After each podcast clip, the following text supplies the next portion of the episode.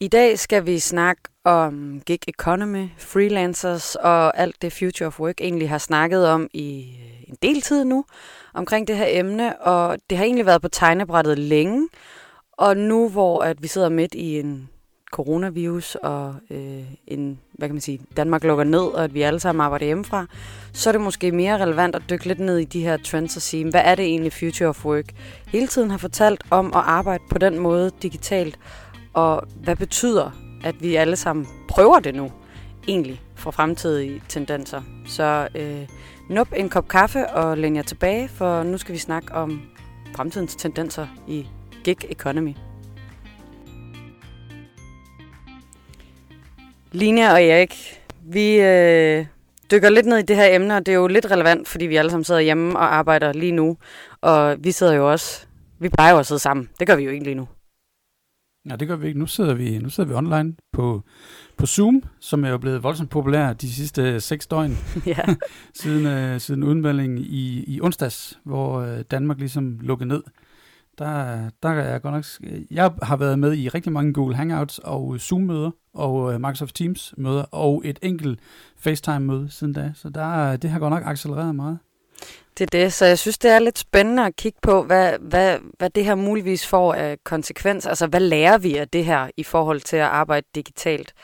Øh, men jeg tænker, før vi sådan ligesom dykker ned af det, øh, er der så ikke en af jer, der har lyst til at fortælle, hvad er det egentlig Future of Work hele tiden har fortalt om øh, gig economy og det at være enten digital nomad eller freelancer og øh, de millennials, der har rejst rundt. Hvis vi starter med, med, med det, Line, vil du starte?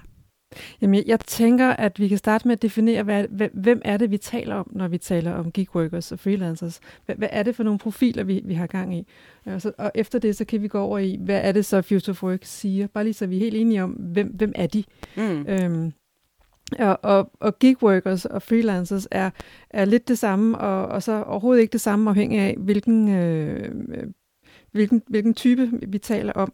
Altså der er jo de helt klassiske øh, konsulent typer freelancer, der kommer ind, IT-konsulenter, er på et projekt øh, i, i et halvt år, et helt år, og så ud igen og videre til næste opgave. Det er der rigtig mange af. Det er én type.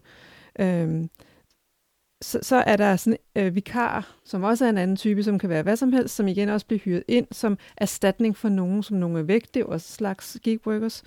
Øhm, så er der sådan, noget, sådan nogle små, små øhm, små virksomheder, som, som øh, laver bogføring og regnskab, det er jo også en slags gigworker, så jeg går ind og hjælper dig med noget, måske tre timer om ugen, øh, men jeg er ikke fastansat hos dig. Det er også en type. Øh, og jeg ved også, at i, øh, i medieverdenen, der er der frygtelig mange freelancers også, eller gigworkers, journalister, skribenter, reklamefolk, filmproduktion. Det er noget, hvor man ikke er fastansat, men man kommer ind og, og er med på et projekt, lidt ligesom IT-freelancers i virkeligheden. Øh, Øh, og så den sidste type, det er, det er entertainer, øh, musikere, stand-up komikere, øh, sikkert også skuespillere. De, de er jo også en slags gigworkers. Så vi, vi, det er ret bredt begreb. Og det er jo faktisk derfra, at begrebet gig kommer. Det kommer fra musikverdenen, hvor du, når man har et gig, så er man op og, og træder op på scenen, så har du et gig, eller man sidder med i et gig som, som tromslager eller som, som keyboardspiller, så man er med til den koncert og ikke andet. Så øh, det er derfor, derfra ordet kommer. Mm. Og, og jeg tænker nemlig, at, at det, som er fællesbetegnelsen for det her, for alle de her forskellige typer, det er, at de ikke er fast ansat et sted. Vi snakker ikke en funktionær ansættelse, hvor der er tre måneders eller seks måneders opsigelse. Vi taler om projektopgaver og aftaler. Og det er jo også dem, som, som der har altså, tit været i medierne i forhold til, øh, hvad med pension, hvordan er de sikret, hvad med forsikringer og alt det her, fordi de er sådan lidt på nogle måder en eller anden udsat arbejdsgruppe, der ikke gribes lige så meget af, øh, hvad kan man sige, overenskomster og fagbevægelser, som, som almindelige funktionærer eller andre overenskomstansættelser gør. Ja, præcis. Og der har man faktisk i, øh, i Kalifornien øh, i september måned, øh, i år var jeg lige ved at sige, september måned 2000 19 øh, har man lavet en, en lov, øh, California's Assembly Bill 5, som, som havde til hensigt at sikre alle de her freelancers. Det vil sige, at man, man, man tvang i gåsøjne virksomhederne til, hvis, øh, hvis man ansatte en, en freelancer eller en gigworker i mere end noget tid eller no, nogle, no timer om ugen, jamen så skulle de have samme rettigheder som fastansatte. Øh, og det var der en voldsom debat om i, i, i Kalifornien, fordi at øh, virksomhederne ansætter jo freelancers, gigworkers, fordi de, de ikke har råd til øh, fastansatte, eller ikke vil, vil have alt det her med syge, sygeforsikring og, og pensioner og alt det her. Og pludselig var de tvunget til at give dem samme vilkår. Så det var et interessant tiltag, som jo blev lavet for at sikre gigworkers, men både gigworkers og virksomheder protesterede faktisk mod det. Der er også nogen, der godt kan lide den frihed, de har som gigworkers på den måde, mm. uden det der safety net, og er gode til selv at opbygge deres eget safety net. Og det er jo også noget, vi kan mærke nu her øh, med, med corona og alt det her. Der er jo mange selvstændige og mange, mange små bigs af dem, der laver... Øh, øh, bogføring har vi jo stadigvæk brug for, men nogle af dem, der arbejder med markedsføring osv., der mister kunder, fordi at, at deres øh, store kunder jo lige nu har andet at fokusere på også. Øh, og det er jo rigtig ærgerligt med det der sikkerhedsnet, hvis man ikke har været god til selv at lave det til sig selv. Ja, mandag morgen, de havde i, eller også var det Altinget, der bliver faktisk lige svaret skyldig, i efteråret 19, som du også, øh, samtidig som du snakkede om, Line, der havde de også en række, række artikler, som netop slår ned på det der. Øh, hvad er det for et sikkerhedsnet, man selv skal sørge for at have? Er der en risiko for, med den, hvis man fremskriver tendensen inden for gig eller freelance, at vi får sådan et A- og B-hold af folk, som ikke husker, at få sat penge af til pension, som ikke husker at få videreudviklet sig eller videreuddannet sig. Øhm, så det er, meget, det er meget relevant at sige nu, de risici, som man så, nu bliver de faktisk øh, manifesteret til, øh, til reelle issues, som nogen står overfor, som er en manglende toplinje, som er, øh, at de måske kigger ind i øh, ikke at have, have løn de næste mange måneder. Og det er også derfor, at politikerne går ind nu og laver nogle, øh, nogle, nogle indgreb, som er er økonomisk art for at hjælpe små virksomheder eller selvstændige. Så der, det er absolut aktuelt, det vi taler om nu. Og hvis vi så skal fortsætte øh, over i, hvad er det egentlig Future of Work altid har sagt om, om eller altid, hvad er det for en fortælling Future of Work har lavet om øh, gigworkeren? Fordi at jeg ved, øh, Erik, du har altid haft et slide, hvor der står det der med, at om 10 år vil der være så og så mange gigworkers. Øh, hvorfor er det, man tror, at der kommer så mange og er så mange? Jamen, det skyldes to ting. Den slide, jeg har med, der står, øh, om 10 år vil der være 500 millioner freelancers. Om det lige er 500 millioner, eller det er 100 millioner, eller det er 1000 millioner milliarder, det er sådan lidt underordnet. Pointen er, at det er en det, der kommer til at være rigtig, rigtig mange freelancers, folk, der gerne vil arbejde på den her måde. Og som jeg siger, det skyldes to ting. For det første så skyldes det et opgør med den struktur, som Line lidt var inde på, det der med, at, at vi har nogle øh, faste hierarkier, hvor man er fastansat. Der er en, en tendens til, at man, øh, man gerne vil, vil springe ud af det og fokusere meget på øh, det, det meningsfyldte liv, og ikke kun være lønslave, men også øh, skabe noget, som er, som er meningsfyldt for en selv. Så der er en sociologisk udvikling, som gør, øh, at den her trend den manifesterer sig. Den anden er, at det er teknisk muligt. Det er teknisk muligt at arbejde hjemmefra og være digital nomade, eller sidde, som, som vi gør nu, at optage en podcast, hvor der er 15 km mellem os, øh, over, over Zoom. Så der er noget, noget teknologi øh, og nogle cloud-løsninger og nogle services, som gør, at vi kan samarbejde, vi kan se hinanden, vi kan være i dialog med hinanden, og dermed så kan jeg være remote, og arbejde der, hvor jeg vil, der, hvor jeg er, øh, og sammen med flere øh, på samme tid, eller i, være i flere konstellationer på samme tid. Så det ene er en muliggørelse af teknologi, øh, eller grundet teknologi, og det andet et, et drev på grund af noget, noget antropologi og noget sociologi, som gør, at folk øh, i højere grad søger den her løsning. Og hvis vi skal sætte et eksempel på, så havde jeg øh, besøg i en af de netværksgrupper, jeg er med i, er af en digital nomade, som har rejst rigtig mange år og samtidig arbejdet. Og hun fortalte lidt om det der nomadeliv, hvor at øh, nogle gange, når de for eksempel var i Rio, så havde de fundet et kontorfællesskab for at føle at være en del af et fællesskab, men alle deres kunder var stadigvæk danske. Øh, alle de vilkår, hun havde nogle medarbejdere, de var alle sammen ansatte under danske vilkår, og det var der CVR-nummeret udsprang fra, fordi hun gerne ville også have øh, hvad kan man sige, at tingene var i orden, og det vidste hun, det var, når hun havde et dansk firma. Men til gengæld så har hun en ansat i Brasilien og en i et sted i Asien, og betaler dem en, en altså forholdsvis for dem høj løn, fordi at det er under danske vilkår, og de sidder og laver de her ting. Og det er jo mega fedt også for dem, der bor andre steder, der kan få lov at være ansat i andre typer virksomheder, at den der øh, fordeling af viden og erfaring og øh, globalitet, eller hvad man skal kalde det, går på tværs. Det synes jeg er enormt interessant i forhold til at have den slags virksomheder, hvor at den er øh, grundlagt på baggrund af, at man kun arbejder digitalt og kun ses og, og aldrig fysisk mødes. Og der slår du ned på noget af det, som er rigtig interessant, og som vi ser øh, heldigvis mange rådgiver om at komme med gode erfaringer med øh, online på LinkedIn og på Twitter i øjeblikket. Netop det der, som du siger, man søger også et fællesskab. Det kan godt være, at man har friheden og muligheden, øh, friheden til at arbejde, hvor man vil, når man vil, og tekniske muligheder til at arbejde, når man vil, hvor, hvor man vil. Men man søger også samtidig et fællesskab. Man søger både at producere noget sammen med nogen, og man søger nogen at være sammen med. Så mange af de online guides, der er nu til, sådan kører du et teammøde, sådan faciliterer du en workshop, sådan kører du et, en afdeling selv, når vi sidder remote, de starter alle sammen med, husk at sige godmorgen til dine medarbejdere. Mm. Husk at tjekke ind, husk at have en identitet. Og oven på det, så bygger du så et produktionsapparat, som du kan få, få til at leve. Så jeg synes, det er rigtig essentielt, det du taler om lige i det, lige det der ord, at man søger et netværk, at man søger nogen at være sammen med, selvom man kan, og man vil arbejde remote eller asynkront. Mm. Og man kan også sige, at de der helt små virksomheder, hvor der sidder 4, 5, 6 medarbejdere rundt omkring i verden, som arbejder på forskellige tidspunkter af døgnet, der kommer jo også nogle fordele ved, at de kunder, man har, kan også være over hele jorden, og de kan jo faktisk i princippet få hvad kan man sige, kundeservice døgnet rundt fordi der er altid en eller anden online i det her firma, der, der arbejder som digital nomad. Mindre de alle sammen har rejst til samme kontinent, så bliver det lidt sværere. Men forstå ideen ikke. Der er jo nogle, nogle, der kommer nogle nye fordele, som er svære, når man er, når man er fastansat et bestemt sted og bliver i samme lokation altid.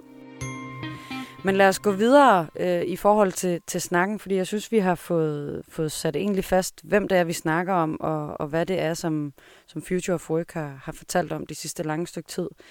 Øhm, det, jeg synes er interessant nu, det er lidt i forhold til, øh, hvad med alle dem, der faktisk aldrig har prøvet at arbejde sådan her, og som nu for første gang har skulle afholde et teamsmøde, eller som du siger, øh, Erik, den leder, der faktisk nu skal til at lave distanceledelse, øh, virtuel ledelse.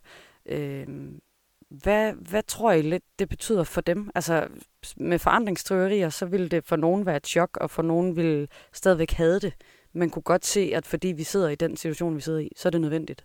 Jamen, jeg tror, der er mange, der, der nu bliver kastet ind i noget, som de øh, har hørt, man måske skulle forberede sig på. Øh, og lige pludselig, bum, i løbet af tre døgn, så er det, så er det en realitet, og noget, man skal få til at, at ske. Og det er både øh, vores børns lærere, det er øh, vores, vores, øh, vores kunder, som øh, skal øh, agere og forhandle kontrakt online. Det er folk, der skal få team op at køre. Det er folk, der skal køre et kriseberedskab. Det er folk, der skal have, have drift. Det er folk, der skal være kreative og lave workshops øh, med post-its online. Hvordan pokker gør man det? Så folk fra at måske sidde og, og lurepasse og sige, ja ja, når det kommer, så skal vi nok træne os ind i det der. Lige nu, bum, så skal man kunne det. Øh, og det, det tror jeg, at der er nogen, der ligesom, som du siger, Puk, øh, at det er et chok for nogen. Der er nogen, der får revet plasteret af og sige, øh, dammit, nu skal jeg pludselig forholde mig til det der. Og hvad gør jeg med kamera og lys, og hvordan øh, fungerer Zoom, og jeg skal pludselig opgradere min PC, sådan, og alle de der ting, der ligger i det. det er sgu meget, ja, der er mange KK-møder, jeg har været med i, ja. hvor folk de ikke forstår den der pointe med, hvordan du stiller kameraet op, øh, og sørger for, at der ikke er lys ind i kameraet, og sådan nogle ting. Jeg, jeg snakkede med en lærer, hvilket var ret sjovt, fordi de har jo heller, altså de har jo ikke været rustet til det her heller. Men de havde lyttet til de uh, unge gamere, der var i, uh, i klassen, og spurgt dem, hvad gør vi? Og så var der en, der havde sagt, I skal bruge Discord. Så alle lærerne er nu på Discord og snakker med deres, uh, deres elever via det, fordi at det var den platform, som eleverne i forvejen brugte. Og det synes jeg er en sej måde at gøre det på, i stedet for at lærerne lige pludselig siger, nej, vi skal bruge Teams, eller vi skal bruge Zoom, og prøver at tvinge eleverne øh, på en ny, så er øh, forandringsbarrieren i hvert fald mindre, når størstedelen er på Discord i forvejen. Ikke? Det synes jeg bare det, ja, det samme har vi oplevet her. Jeg har jo nogle øh, øh, børn, der går i gymnasiet, og præcis det samme havde de øh, øh børnene, som ikke er børn i den alder, var sådan lidt, jamen vi bruger bare Discord, bruger bare Discord, og skolen sagde, at vi bruger Teams. Og de opdagede så, at Teams ikke, ikke, i hvert fald ikke i starten, kunne performe helt på den måde, som de var vant til for Discord, så de skiftede bare tilbage til Discord. ja. Ja. Det er jo sådan nogle ting, man også lærer, og jeg havde faktisk en, en, en tanke i, i starten af, af hele den her situation, hvor jeg tænkte, kan vide, hvor mange, hvis man skal øh, tale generationer og siger boomers, hvor, hvor mange boomers prøver egentlig det her for første gang? Hvor mange har ikke prøvet det her? Øh, selv sidder jeg øh, lige nu og arbejder sammen med nogen, der aldrig har holdt online-møder før. Øh, og det er, jo, det er jo fedt hver eneste gang lige at skulle starte med, øh, når du skal trykke herover eller øh, tekniske problemer, eller netop som du siger, kaj kan møder. Men jeg synes også, det er fedt. Altså dem, jeg har, har haft møder med, de, øh, de har sgu bare taget de stive arme og prøver at lære at gøre det bedste ud af situationen. Så måske er øh, den her brændende platform øh, med til at gøre, at, at der er en hel generation, der ikke har prøvet det før, der nu prøver det helt. Jeg kaster sig ud i det. Ja. Ja. Det, det sjove er jo, at ikke vi skal så meget ind i, hvordan man gør det, men det, det sjove er jo, at bare det at se sig selv på kamera, kan jo nogen, for nogen være sådan lidt, øh, at sidde og kigge på sig selv tale. Øh, det, det, det, øh? Altså, det, det, det er ubehageligt for nogen, det, det må man sige. Og så skal man jo have pænt tøj på og ræge håret. Og ja. ja. Jeg må da indrømme, jeg har da joggingbukser på for neden lige nu, for det kan I da ikke se. Jeg synes, det der med, øh, som du også nævnte, ikke? lige nu på LinkedIn og Twitter, kan man finde en masse gode råd til, hvordan man ligesom holder de her møder, hvordan man gør. Og det tænker vi, det lader vi dem, der har produceret det indhold, om at gøre. Øh, så hvis vi nu skal prøve at være sådan lidt, det er svært at forudse i fremtiden, men hvad, hvad, hvilken konsekvens, eller hvilken tendens, eller hvad lærer vi af det her, eller hvad vokser der ud af det her? Hvad, hvis, hvis I skulle prøve at sætte nogle ord på jeres tanker omkring det, hvad tænker I så?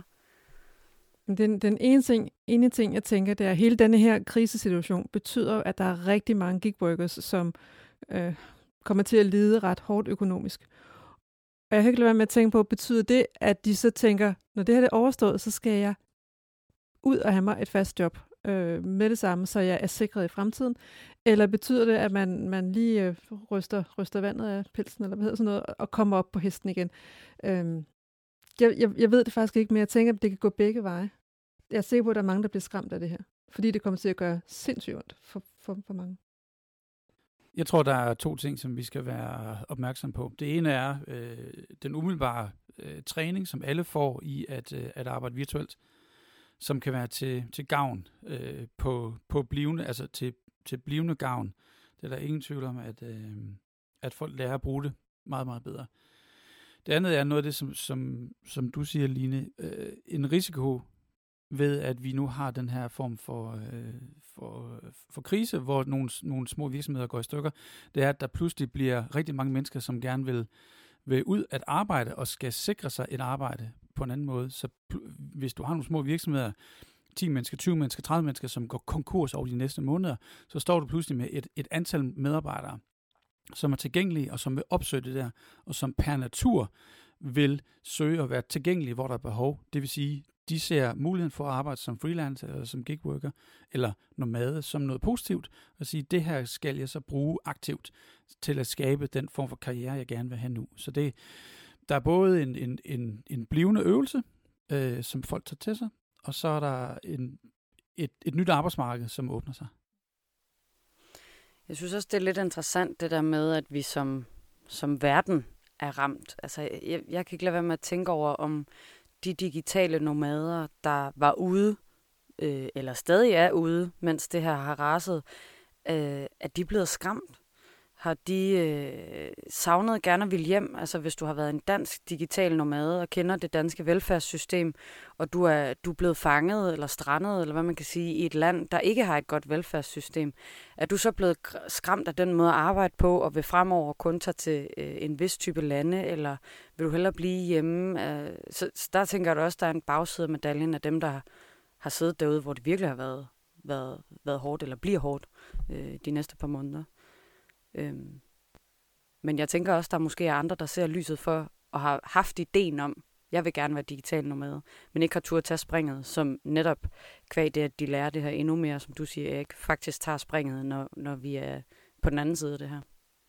Ja, det kan sagtens være. Der, der er nogle grundlæggende toolings, man selv lærer, hvordan jeg bruger teknikken, hvordan jeg opfører mig, og man kan også sige, at ens kunder, ens potentielle samarbejdspartner, lærer det også. Mm. Så der er, en, øh, der er en tooling, som vi lærer noget af. Ja, jeg synes helt sikkert, at det med, med kunderne er vigtigt. Øh, dengang jeg øh, arbejdede med markedsføring, der de kunder, jeg havde, ville jo gerne have, at jeg sad der fast fysisk en dag, eller to om ugen, eller, eller hvad vi nu aftalte. Øh, og der spurgte jeg flere gange, hvorfor kan jeg ikke bare sidde derhjemme, og så kan vi holde møder remote. Men det var de ikke vant til. Øh, så jeg kunne jo i princippet, hvis mine kunder havde, havde været med på det, have været digital nomad dengang. Øh, så, så det er da fedt at tænke over, at, at de jo prøver det nu, og alt efter hvordan den opgave bliver løftet, bliver de positivt stemt for at have digitale nomader ansat. Det er en god pointe, du har der. Øhm, tit og med rette, synes jeg, der siger man jo, at digitale møder erstatter ikke det fysiske, det er et supplement. Og så kan man så sidde og sige, om det skal være en en-til-en vægtning, du skal have lige så mange fysiske som virtuelle møder, for at det hænger godt op. Øh, men det kan være, at den, øh, den der balance rykker sig nu, fordi man prøver nogle andre ting. Jeg vil starte et samarbejde med en kunde, og der er vi startet fuldstændig virtuelt. Vi har mødt hinanden, eller nej, de har, de har set mig til et foredrag. Men alt arbejdet derefter har været virtuelt og foregået øh, øh, gennem videomøder. Og normalt, når vi går ind og laver et eller andet kontraktforhold, så er det ikke bare baseret på en faglig kunde, vi kan noget, men også fordi vi har en kemi med hinanden. Og der har vi pludselig skulle skabe kemi baseret på, på video. Øh, og det har været anderledes. Det er også, jeg, jeg, jeg, jeg, jeg, jeg tilhører nok gruppen, som har prøvet det mange gange før, og føler mig rimelig hjemmevandt i det. Men det har stadigvæk været svært for mig, vil jeg sige, at skabe kemi og forstå kemi. Øh, og jeg tror helt konkret, det handler om, at jeg har svært ved at se folks øjne. Der er ret langt frem til, folk, til folks øjne, selv på video. Øhm, så man skal virkelig strenge sig an for at have en mimik. Nu kender vi hinanden, Puk. Vi har kendt hinanden i fem år. Noget den stil, ja. så, så, så vi behøver ikke være så tæt på hinanden, så vi kan se øjnene, for at vi kan kende hinandens humør. Allerede da du lukkede på, øh, og vi skulle have det, så kunne jeg se, hvordan du havde det, og vi skulle lige sådan arrangere noget, og det, det, det var jo nemmere, fordi vi, vi kendte hinandens skuldre, ansigtstræk, øh, sådan nogle ting, men det er meget sværere, når man ikke, altså, og det er lige præcis det med øjnene, som jeg ikke kan se, som, jeg, som er en hemsko, og det skal jeg lære. Det synes jeg var en interessant øh, observation for min eget vedkommende. Jeg synes også, det er interessant at se, at når mange, så for eksempel nu er det mig, der snakker, og I kan se mig på videoen snakker, men fordi at jeg så begynder at tænke over, hvad jeg siger, så flakker mit blik jo. Jeg kan finde på at dreje hovedet lidt væk, og så kan du slet ikke se øjnene, fordi jeg tænker, fordi det er sådan, man gør, når man tænker. Men i et mødelokale fysisk ville I jo kunne se mig i 3D, og der ville I jo kunne følge med i den, øh, det kropssprog, den tankeproces, jeg har. Øh, så det er meget spøjst, og, og jeg synes godt, man kan se på folk, øh, der er øget i det her, at de tager sig tid til at kigge væk og tænke og reagere, øh, hvor at, at, at nogle af, af hvad kan man sige, nybegynderne, de sidder og stiger ind i skærmen, for de skal have det hele med. Øh, mm-hmm. og, og det synes jeg også er sådan en, en, en sjov ting. Der er også noget auditivt, fordi når du sidder i et øh, mødelokale, så længe man er mere end to, så er, bliver det her et problem. Når man sidder i et, i et mødelokale, så kan man med ørerne, så kan du høre 3D. Øhm, det vil sige, at jeg kan høre øh, fl- måske flere samtaler på en gang, øh, uden at det støjer, uden der, går, der er kakofoni. Og jeg kan også øh, spatialt, rumligt orientere mig, hvor lyden kommer fra. Og det kan jeg ikke nu. Nu kommer det i stereo, det kommer i samme øre på samme tid, måske lige højt, og den 3D-effekt, som der kommer, den er væk. Så den orientering, som man har gennem auditiv, den er også handicappet, så det er, man skal virkelig agere på en anden måde. Øhm, det synes jeg også er svært. Og, og det der med lige at viske til sidemarkeren, fangede du den pointe, eller skal vi ikke gå videre til det der, når hun er færdig, eller et eller andet? Det, det kan man ikke online. Det kan man jo på chat ved siden af. Ja, igen, det er meget akavet. ja. Jo, jo, men, men det, det har jeg oplevet på, på mange møder. Øh, jeg var i et projekt for, for, for, for et års tid siden, hvor, hvor vi havde sådan nogle ugenlige øh, web, eller hvad sådan noget, øh, Skype-møder. Øhm, og der sad vi da og, og chattede ved siden af. Øh, ikke med gruppen, men med hinanden, hvis der var et eller andet, vi, vi skulle sige. Mm. Det er lidt, men det er lidt ligesom at lave den der øh, seddel, man sender rundt i skolen. Det var jo sådan lidt... øhm. Men der er så også et helt andet problem, fordi at hvis den person, der gør det, har et af de der tastaturer, der larmer af, så skal man huske at mute sig selv, hvis man har tænkt sig at sidde og hamre i chatten.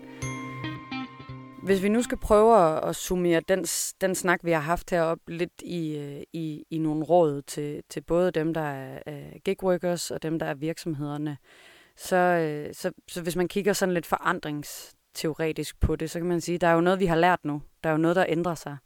Men, men hvad tænker I, man kunne give råd til, til de to grupper på en eller anden måde? Øhm, jeg tænker rådet til freelancerne og gigworkerne øh, lige nu, som jo sikkert sidder og er øh, enten fortvivlet eller frustreret over situationen, som den er nu. Øh, der tror jeg, at man skal slå koldt vand i blodet. Øh, det, vi, det vi har talt om lige nu, og det vi ser, er, at, at virksomhederne har vendet sig til, er ved at vende sig til at, at arbejde virtuelt. Øh, så jeg tænker, mit råd til freelancerne er at slå koldt vand i blodet. Det skal nok komme igen. Virksomhederne er vant til det nu. Det er vant til at hive jer ind, både, både øh, øh, online og, og fysisk. Så det, det kommer igen, når, når det hele kommer op og kører bagefter. Så er der en anden ting, jeg godt vil, øh, vil hive frem, som vi skal være opmærksom på. Øh, mange af de træninger og mange af de arbejde, meget af det arbejde, der foregår, det handler om teams. Hvordan vi får teamet til at samarbejde. Øh, Øh, det folk ikke taler om, det er white space mellem teamsene. Så hvis jeg har et, et team, som arbejder rigtig godt sammen, A, og jeg har et team, et team B, der også arbejder rigtig godt sammen, og de har lært, hvordan du kører et online møde og arbejder sammen virtuelt, remote, nogen skal sikre, at de her teams øh, får koordineret mellem hinanden. Eller man skal sikre, hvad der foregår mellem teams, altså white space. Øh, og det er en, en ledelsesopgave, som er blevet endnu mere aktuel nu, hvor, vi slet, hvor teams slet ikke kan se hinanden. Så nogen skal sørge for en eller anden form for rytme, mm. hvor man lærer teams, eller man flytter viden fra team til team. Ja, for der er ikke længere nogen, der mødes ude ved kaffeautomaten. Korrekt. Og hvis vi så, øh, det, det ligger jo faktisk meget godt op til, hvad, hvad virksomhederne måske skal, skal have råd eller tænke over opmærksomhedspunkt i den her situation. Fordi det der, det ligger jo op til, at der er nogle ledergrupper på tværs, der måske horisontalt bliver bedre til at koordinere og hjælpe deres teams til synlighed. Eller at det ikke behøver at være en ledelsesopgave, men det kan være den pågældende fra teamet, som synes, jeg tager lige fat i det andet team, men nogen skal starte den der, og det er en ledelsesopgave at starte dialogen, at sikre, at det her white space bliver håndteret. Og når det så er blevet sat i gang, så kan det blive drevet videre af teamsene selv, hvis de er modne til det. Så øh, i det hele taget, så, så handler måske, det ved vi jo ikke, men fremtidens øh, tendenser på, på gig workers lidt om, at der er virkelig, virkelig mange, der nu har lært det her, og, og været, været tvunget ud i at lære at bruge det og fået det til at fungere. Øh, og det kan man håbe smitter positivt af på, at øh, ikke alle er skræmt væk i fremtiden, men måske at den her udvikling med, at der er, hvor meget sagde du, 50 milliarder gig workers? 1000 millioner milliarder. Mange, mange, mange. At de stadigvæk kommer i fremtiden, og at der stadigvæk kommer det her lidt flydende, flydende arbejdsmarked. Øhm, fordi at nu er det måske bare eskaleret. Nu går det hurtigere, fordi vi alle sammen har lært at være remote og digitale og virtuelle og online. Og det betyder jo, at vores, øh, vores catchline for den her podcast, den bliver endnu mere aktuel. Vær med til at skabe den fremtid, du vil være en del af, ved at vælge, hvordan du vil tilgå blandt andet freelance, gig work og remote work. Tak fordi du lyttede med. Synes du episoden kunne noget fedt, så del den endelig med dine kollegaer og husk at rate og review os i iTunes. Du finder kommende episoder i iTunes eller din favorit podcast app. Tak fordi du er med til at skabe fremtidens ledelse.